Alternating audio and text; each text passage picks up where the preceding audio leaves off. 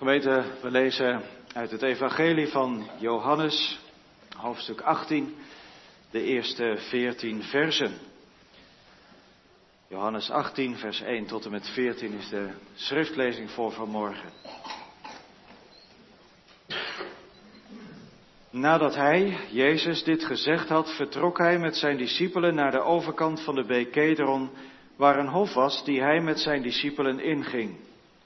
En Judas, die hem verraadde, kende die plaats ook, omdat Jezus daar vaak met zijn discipelen samengekomen was. Judas dan, die de afdeling soldaten en enkele dienaars van de overpriesters en fariseeën meegenomen had, kwam daar met lantaarns, fakkels en wapens.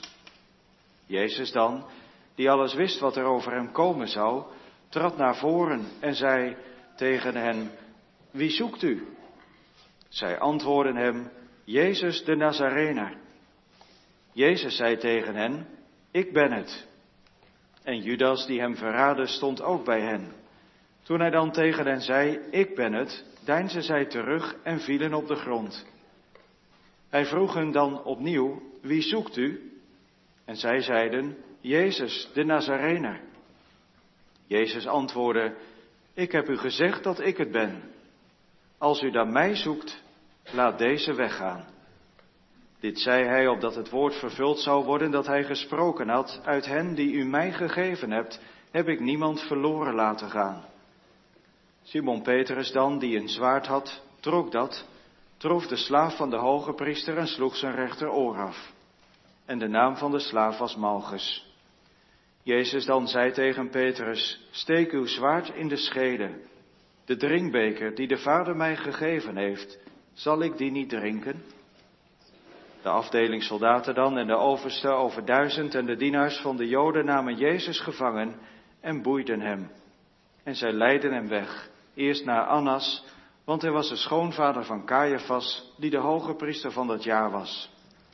Caiaphas nu was het die de Joden raad gegeven had, dat het nuttig zou zijn dat één mens voor het volk zou sterven.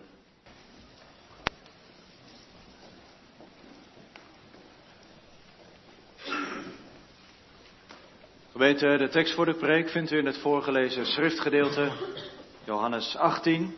We luisteren vanmorgen in het bijzonder naar de versen 8 en 9 die we met elkaar nogmaals zullen lezen. Johannes 18, vers 8 en 9. Jezus antwoordde, ik heb u gezegd dat ik het ben. Als u dan mij zoekt, laat deze weggaan. Dit zei hij opdat het woord vervuld zou worden dat hij gesproken had. Uit hen die u mij gegeven hebt, heb ik niemand verloren laten gaan.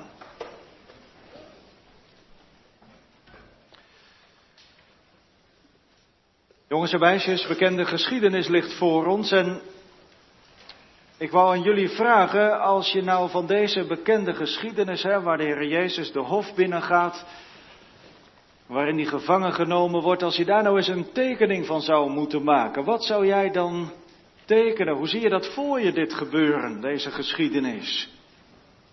Ik zat er zelf ook even over na te denken. Ik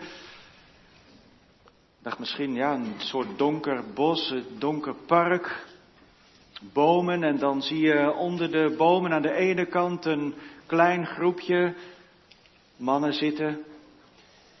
En aan de andere kant van je tekening in het donker komt een hele troep soldaten aan, Judas voorop. Ze kijken een beetje gemeen, fakkels in de hand, zwaarden. Dat is zo'n beetje het plaatje wat je, wat je voor je ziet bij deze geschiedenis. er nog even iets langer over na te denken. Toen kwam er ineens een ander plaatje bij me boven. Ja, ook wel een plaatje met aan de ene kant iets heel erg dreigends erin. Maar ook iets heel moois. Ineens kwam het plaatje bij me boven van een grote groep wolven, de kop vooruit, de tanden bloot en dreigend, klaar om aan te vallen. En aan de andere kant een groepje bange schapen. Maar er staat iemand tussen. De goede herder. Jezus bewaart zijn schapen, zijn eigen discipelen met zijn eigen leven. Hoor wat hij tegen Judas met zijn hele bende zegt. Als u dan mij zoekt, laat deze heen gaan. Dat is de tekst voor de preek van morgen, het thema voor de preek. Als u dan mij zoekt, laat deze weggaan. En dan zien we achtereenvolgens drie dingen. In de eerste plaats, Jezus geeft zichzelf. In de tweede plaats, en de zin loopt dan door, voor wie hem door de Vader gegeven zijn. Dat heeft een doel. Dat de discipelen bewaard blijven. Als u dan mij zoekt, laat deze weggaan. Jezus geeft zichzelf. Voor hem, door wie hem door de Vader gegeven zijn, tot hun bewaring. Als eerste gemeente, dus Jezus geeft zichzelf. En eigenlijk dacht ik ook als je bij zo'n geschiedenis als deze een plaatje zoekt en probeert in je gedachten dat zo voor de geest te halen, dan beginnen de beelden ook wel door elkaar heen te lopen. Want wie staat daar nou tussen? Jezus? Jezus die, en dat was het eerste beeld dat eigenlijk bij mij boven kwam, die voor de groep met schapen gaat staan als de goede herder. Als Judas, de zo ook voor hem bekende hof, komt binnenlopen, op zoek gaat naar de Heer Jezus, maar tegelijk omringd is door een grote horde soldaten, fariseeën erbij, ieder met eigen belangen. Judas die gaat voor de dertig zilverlingen. De soldaten die komen mee om de rust en de orde te handhaven, geen behoefte aan oproer in de stad. Maar de overpriesters die zien eindelijk op deze manier hun kans schoon om de Heer Jezus uit de weg te ruimen. Daar zitten ze al zo lang op te wachten. Ieder zo met zijn eigen belangen. Maar wat is nou het belang van de Heer Jezus daar in die hof? Gaat Jezus voor zijn eigen leven? Nee. Jezus dient de belangen van zijn vader. En daar horen heel in het bijzonder ook deze schapen van hem bij. Om ze te bewaren, om ze eeuwig, te leven, eeuwig leven te geven, opdat er niet één van hen verloren gaat. En zo staat Jezus daar voor de schapen, voor zijn discipelen, tegenover die horde soldaten met Judas voorop, als de goede herder. Maar, en dan merk je wel, je kunt het niet in één plaatje, in één beeld vangen. Aan de manier waarop de Heer Jezus daar dan staat, zie ik ook iets geweldig koninklijks. Iemand die de situatie meester is. Hoe dreigend en hoe gespannen de situatie ook is, maar Jezus heeft de situatie helemaal in zijn hand. Hij is meester over de gebeurtenissen, over wat er straks gaat komen. Dat wordt niet bepaald door die andere kant, door die grote troep soldaten. Wordt niet bepaald door de duivel die de overpriesters en Judas hebben opgehitst.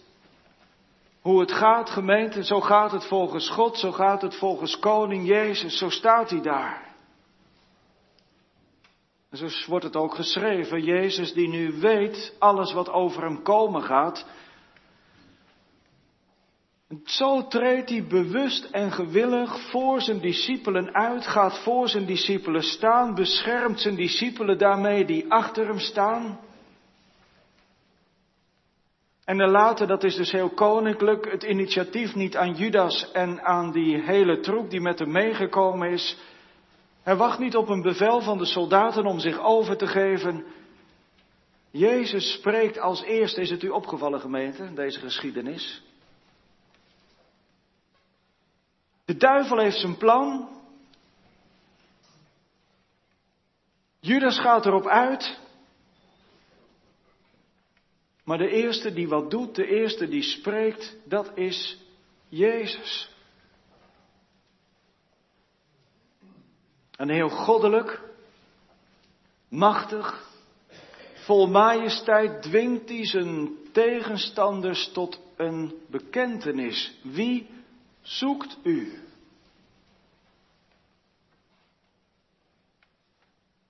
Jezus, de Nazarener, ik ben het. En dat zegt de koning met zoveel majesteit. Hij heeft geen zwaard nodig, geen stokken, heeft helemaal niks nodig. Alleen zijn machtige woord, zijn scheppende woord. En die hele horde valt ondersteboven achterover op de grond. Gemeente, dat moeten we ook even registreren, al blijf ik daar vanmorgen niet te lang bij stilstaan. Want dit gebeurt nu al in de staat van Jezus' vernedering op aarde. In het licht van de geschiedenisgemeente, dat gebeurt dus in, het, in de staat van Jezus' vernedering op aarde, kan niemand hem of zijn discipelen iets aandoen als Jezus daar geen toestemming voor geeft. Wat betekent dat dan voor Jezus volgelingen vandaag, nu Jezus opgevaren is, nadat hij uit de dood is opgestaan en als koning zit aan de rechterhand van zijn hemelse Vader in heerlijkheid. Verheven, oppermachtig. De gemeente van de Heer Jezus Christus is veilig in de hand van koning Jezus. Wat ik hier ook leer, is dat je voor deze macht van de herder koning Jezus ook geweldig blind kan zijn. Het is toch onvoorstelbaar, gemeente? De Heer Jezus die spreekt een paar woorden, ik ben het. En dan rol je met z'n allen achterover. Je hebt het niet meer in de hand, je hebt jezelf niet meer in de hand. Zo'n heel cohort Romeinse soldaten. Kukelt gewoon ondersteboven. Maar ze krabbelen weer overeind, alsof er toch niks aan de hand is, alsof zij het nog wel in de hand hebben. En ze willen verder gaan met hun plan om de Heer Jezus gevangen te nemen. En Jezus stelt opnieuw dezelfde vraag, wie zoekt u? Voor de tweede keer hè, dat, dat de Heer Jezus ze tot een bekentenis dwingt. Een, een getuigenis laat afleggen als het ware. Wij zoeken Jezus de Nazarener. Satan probeert zolang hij het kan, zolang hij de ruimte krijgt. Maar Jezus bezit de macht. En hij dwingt ze, nadat ze zijn opgestaan, dwingt hij ze opnieuw tot een bekentenis en dan bedingt hij op grond van hun eigen woorden, op grond van dat getuigenis van deze mannen zelf, dwingt hij een vrije aftocht voor zijn discipelen af.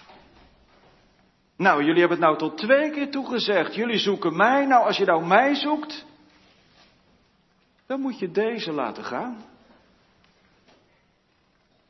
En daarmee laat Jezus een woord in vervulling gaan. Een woord en meestal als je zoiets leest in de Bijbel, dat er een woord in vervulling gaat, dan, dan, ga je bladeren in het Oude Testament. Waar zou dat nou staan? Je zoekt een tekstverwijzing op, maar dat vind je hier niet. Het gaat om Jezus' eigen woorden. Die blijkbaar zoveel waarde hebben, evenveel waarde hebben als het hele Oude Testament. Jezus spreekt als de Zoon van God. Zijn woord moet in vervulling gaan. Welk woord? Johannes geeft denk ik een samenvatting van minstens drie woorden die hij ook in zijn eigen evangelie heeft opgetekend uit de mond van Jezus. En elke keer dat het over dit woord gaat, gaat het over de gegevenen van de Vader. Uit hen die u mij gegeven hebt, heb ik niemand verloren laten gaan,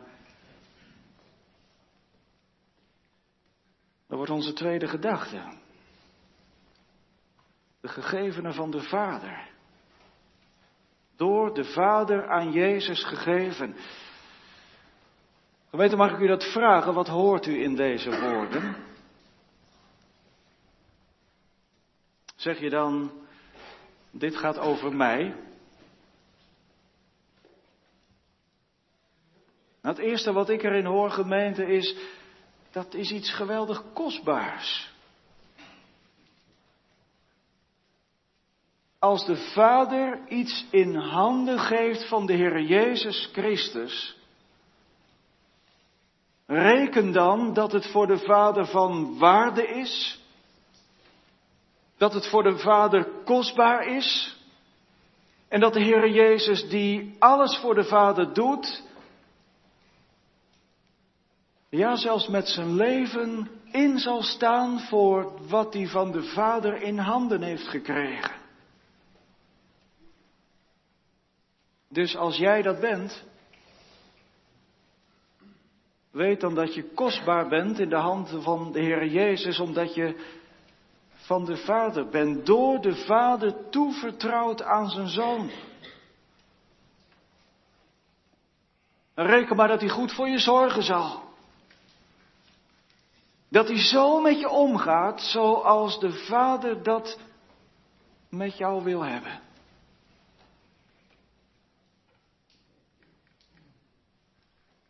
Nou hebben deze woorden vaak ook iets raadselachtigs en, en kunnen ook iets beklemmends hebben, de gegevenen van de Vader.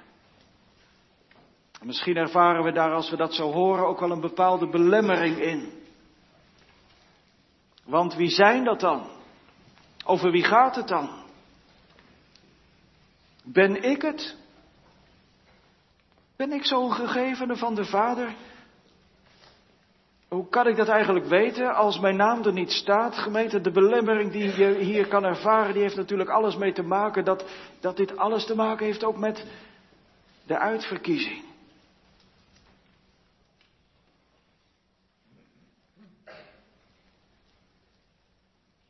En heel vaak wordt er zo positief niet over gesproken. Dat is alleen maar iets ontzettend lastigs, iets vervelends, ook iets ingewikkelds van God. Gemeente, dat is het niet. Dat is het zeker niet. Stel je voor dat de Heer Jezus mensen zou bewaren.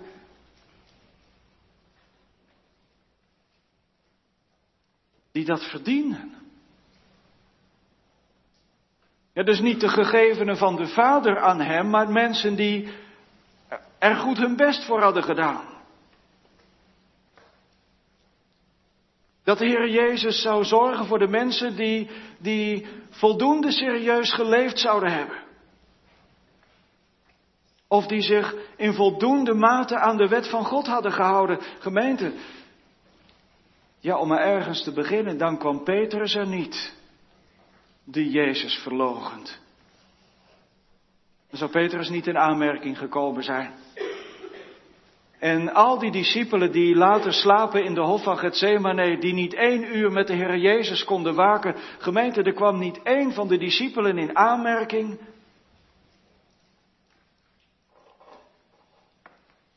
En wij? Als het nou af zou hangen van mijn volharding, van mijn trouw, van mijn geloof, van de manier waarop ik leef, van hoe goed ik mijn best doe. Gemeente, daar kwam ik er niet. Echt niet. En jij ook niet. Dan zou die ons allemaal uit zijn handen laten vallen. En we zouden allemaal voor eeuwig verloren zijn. Gemeente gegeven door de Vader, dat bepaalt ons bij Gods keuze. En daar zit zijn liefde achter. Daar zit zijn trouw achter. Daar zit zijn genade achter. Dat gemeente. En omdat dat er nou allemaal van Gods kant achter zit, en omdat het nou helemaal van God uitgaat, krijgt hij er ook nooit spijt van. En geeft hij Degene die al geeft hij over in de handen van zijn zoon. En dan weet hij, in de handen van mijn zoon zijn ze allemaal veilig en wel bewaard. En hij zal ze bewaren, want ze zijn van de Vader tot in eeuwigheid. En niemand uit hen zal verloren gaan.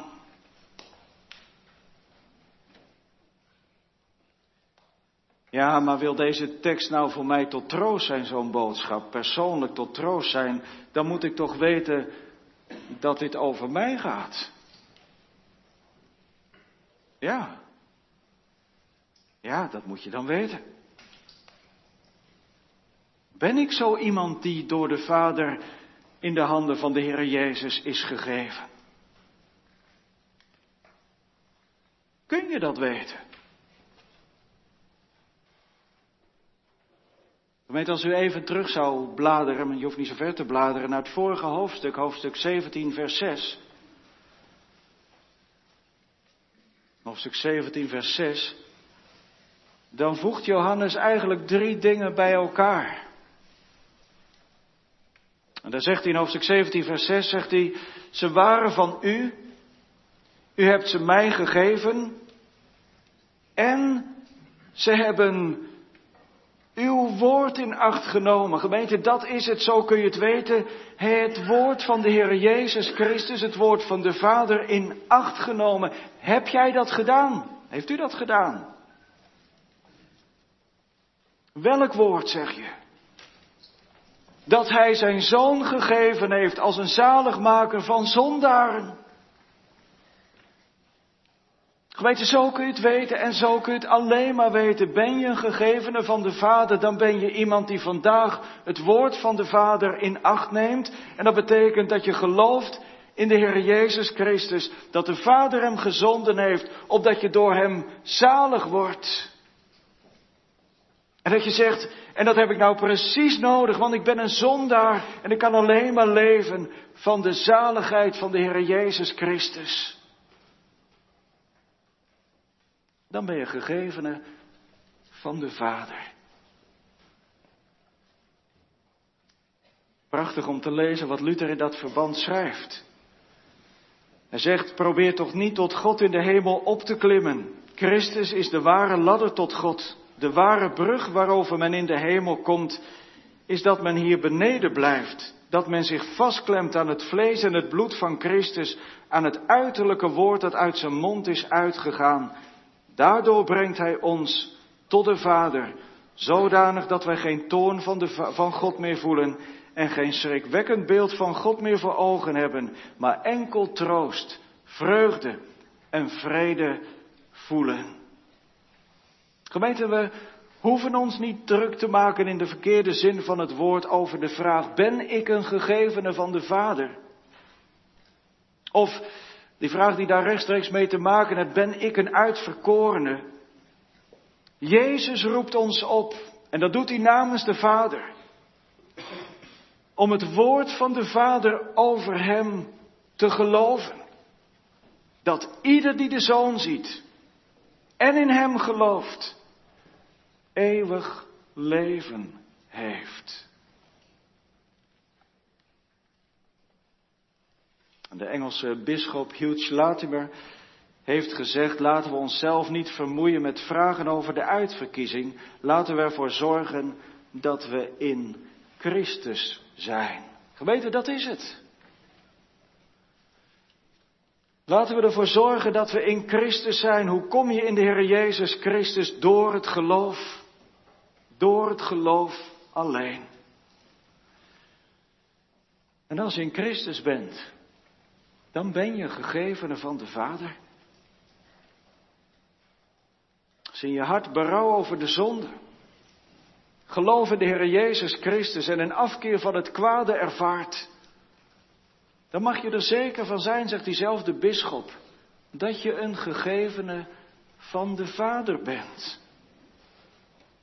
En zo alleen ontvang je ook de troost van de belofte uit hen die u mij gegeven hebt, heb ik niemand verloren laten gaan. Schitterend gemeente en indrukwekkend. En dan gaan we ook naar het derde punt van de preek. Moet je over nadenken, hè? Daar in die hof van Gethsemane, of in die hof, daar gaat de Heer Jezus naar het diepste moment van zijn lijden toe. Hij staat daar nog een paar minuten eigenlijk voor, als het ware. En als je dan vraagt met wie is die nou bezig, je zou zeggen iemand die de dood in de ogen kijkt, die is vooral met zichzelf bezig. Maar als de Heer Jezus de dood in de ogen kijkt, nog een paar uren, dan wordt hij gekruisigd, veroordeeld, gekruisigd, gedood. En met wie is de Heer Jezus bezig? Niet met zichzelf, hij is bezig met de gegevenen van de Vader. Als de goede herder is hij bezorgd voor zijn schapen.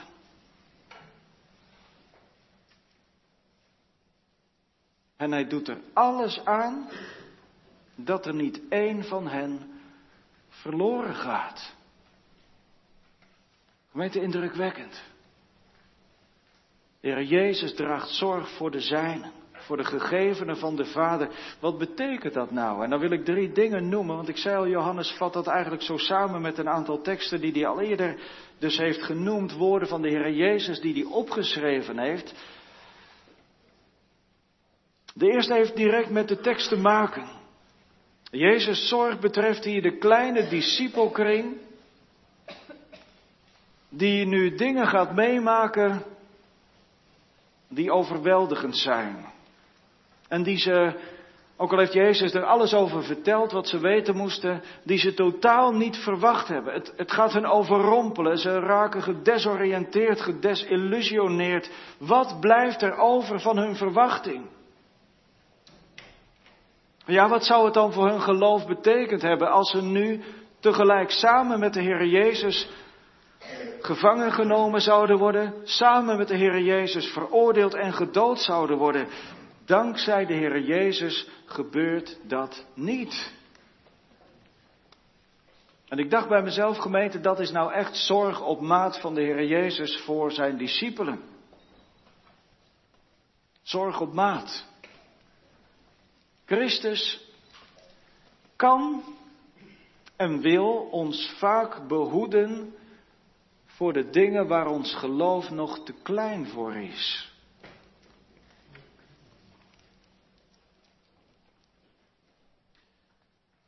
Ik herhaal hem een keer gemeente. Christus kan en wil ons vaak behoeden voor de dingen waar ons geloof nog te klein voor is.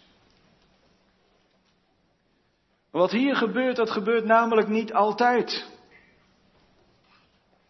Want als de Heer Jezus uit het graf is opgestaan, als hij de verhoogde koning en heiland geworden is en de Heilige Geest is uitgestort, wat gebeurt er dan met de discipelen? Dan worden ze net als hun meester vervolgd, gevangen genomen, gegezeld, bespot, gedood. Dat kan dus wel.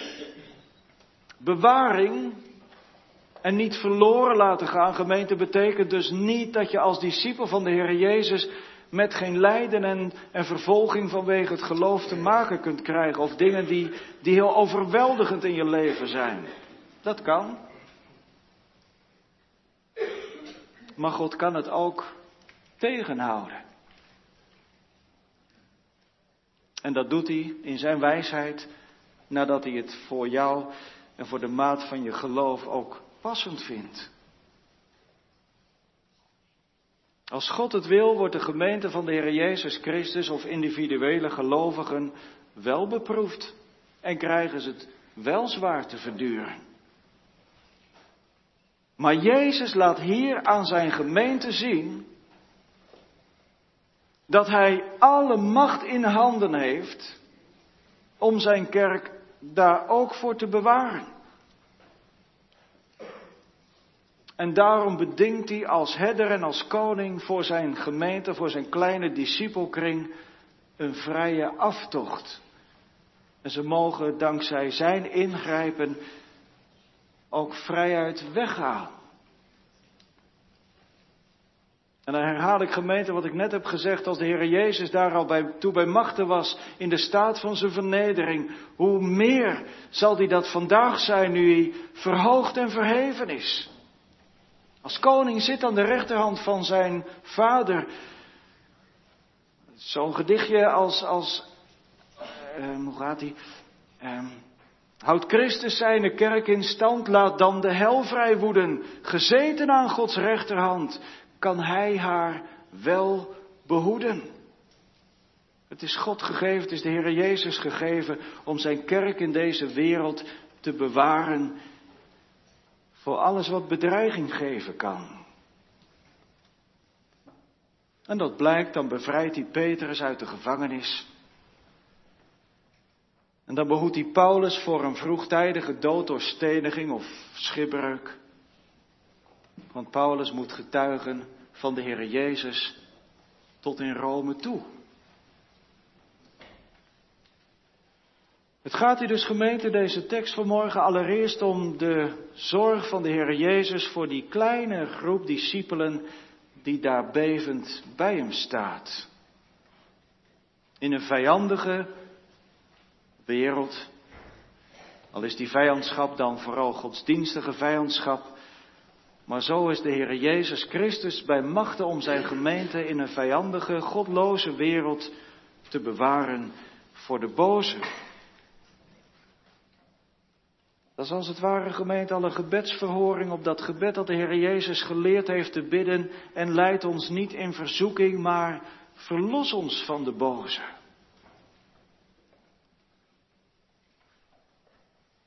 Hij wilde zijn een wapen in deze wereld. Leren om nee te zeggen, zoals Jozef nee zei.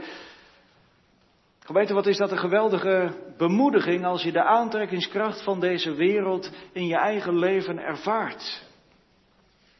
Als je bang bent om toe te geven. Als je bang bent dat de boze sterker is dan jij, dat je het geloof niet vast kan houden. En dat je denkt bij jezelf, wat komt er van terecht? Als je van de Vader bent, zal Jezus met alles wat hij is en heeft voor je zorgen. Ongetwijfeld heeft Johannes ook gedacht aan de woorden die hij heeft opgeschreven in hoofdstuk 10, vers 29. Ik noem de teksten er vanmorgen maar bij. Johannes 10, vers 29 zal hij in gedachten hebben. Mijn vader, die hen aan mij gegeven heeft, is meer dan allen en niemand kan hen uit de hand van mijn vader rukken. Dat betekent dus, ik zal ze niet verloren laten gaan. Niemand is bij machten om de gegevenen van de Vader uit de hand van de Vader te rukken of uit de hand van de Heere Jezus te rukken, want Jezus en de Vader zijn één. Je bent van Hem en je blijft van Hem. Voor eeuwig. Waar heeft Johannes nog meer aan gedacht? Dan hoofdstuk 6, vers 39. Johannes 6, vers 39. Dit is de wil van mijn Vader die mij gezonden heeft, dat ik van alles wat Hij mij gegeven heeft, niets verloren laat gaan, maar het doe opstaan op de laatste dag. Dit is de wil van mijn Vader, dat ieder die de Zoon ziet en in Hem gelooft, eeuwig leven heeft. En ik zal Hem doen opstaan op de laatste dag. Gemeente, hoor je dat? Dat is nou de diepste betekenis van het woord verloren gaan. Dat je als zondig mens je verdiende loon krijgt. Dat is verloren gaan. Als zondig mens je verdiende loon krijgen. Dat betekent gemeente dat je als zondaar wordt geboren, als zondaar leeft en als zondaar sterft in je zonde. En de diepste eenzaamheid. Voor eeuwig van God verlaten, voor eeuwig van God verwijderd. Het loon op onze zonde, gemeente, dat is de dood. En als je weigert op de Heer Jezus te zien, in Hem te geloven, dan is dat je toekomst. Verloren gaan. Wat garandeert Jezus? Alles wat de Vader mij gegeven heeft, laat ik niet verloren gaan. Ja, betekent nog wel dat wij sterven. Maar, zegt hij, ik doe het weer opstaan op de laatste dag. Gemeente, dat is de wil van de Vader. En daar draagt de Heer Jezus met zijn leven en met zijn sterven en met zijn opstanding zorg voor, met de uitstorting van zijn Heilige Geest, dat wie de Zoon aanschouwt en in hem gelooft, niet in dat verderf komt, niet verloren gaat, maar dat je weer opstaat op de jongste dag. Met Jezus in de heerlijkheid van de Vader. En daarom riep de Heer Jezus het uit. Mensen, zie op mij. Zie op mij en word behouden. En daarom laat hij het evangelie verkondigen in ons midden en in deze wereld en zendt hij zijn geest uit. Want de geest maakt het liefste de Heer Jezus Christus zichtbaar voor zondaren in de verkondiging van een belofte als deze, wie de Zoon ziet en in Hem gelooft, die heeft het eeuwige leven. Zie op Hem en word behouden. Dan laat u mij niet verloren gaan. Ook al getuigt mijn leven zo vaak tegen mij. Ook al heb ik tegen al Gods geboden zwaar gezondigd. Maar als ik op de Heer Jezus zie, dan draagt Hij er zorg voor. Voor mij draagt Hij zorg dat ik niet verloren ga. Maar dat ik opsta in het eeuwige, onvergankelijke leven. Daarom gemeente, stapt de Heer Jezus uit die groep van zijn gemeente, die kleine gemeente nog maar. Stapt hij naar voren. En beschermt daarmee degenen die achter hem zijn. Bedingt hij voor zijn kerk een vrije aftocht. En geeft hij zich zelf gevangen. En dan gaat hij helemaal alleen naar het kruis. Nee, gemeente, dat is niet meer te tekenen, dacht ik. Dat laat zich nou alleen maar geloven. Want aan dat kruis hangt de Heer Jezus Christus, de eeuwige Zoon van God, met, beladen met de schuld. Van al degenen die de Vader hem gegeven heeft. Mag ik het zo zeggen, gemeente vanmorgen? Daar aan het kruishout van Golgotha gaat de Heer Jezus Christus verloren. Want het loon op mijn zonde, dat is de dood. En dan kijk ik naar het kruis en dan is het niet meer mijn dood, maar dan is het zijn dood, dan gaat hij verloren. Dan draagt Jezus die dood, mijn dood, mijn hel, mijn Godverlatenheid. Zodat er in eeuwigheid voor degene die de Vader hem gegeven heeft, geen verdoemenis overblijft. Weet je, dat is het evangelie. Dat is de blijde boodschap voor verloren mensen. Want Hij heeft het volbracht. En zo heeft hij zijn erewoord aan de Vader vervuld. Mijn schapen. Ze horen mijn stem. En ik ken ze. En ze volgen mij. En ik geef hun het eeuwige leven. En ze zullen beslist niet verloren gaan. Amen.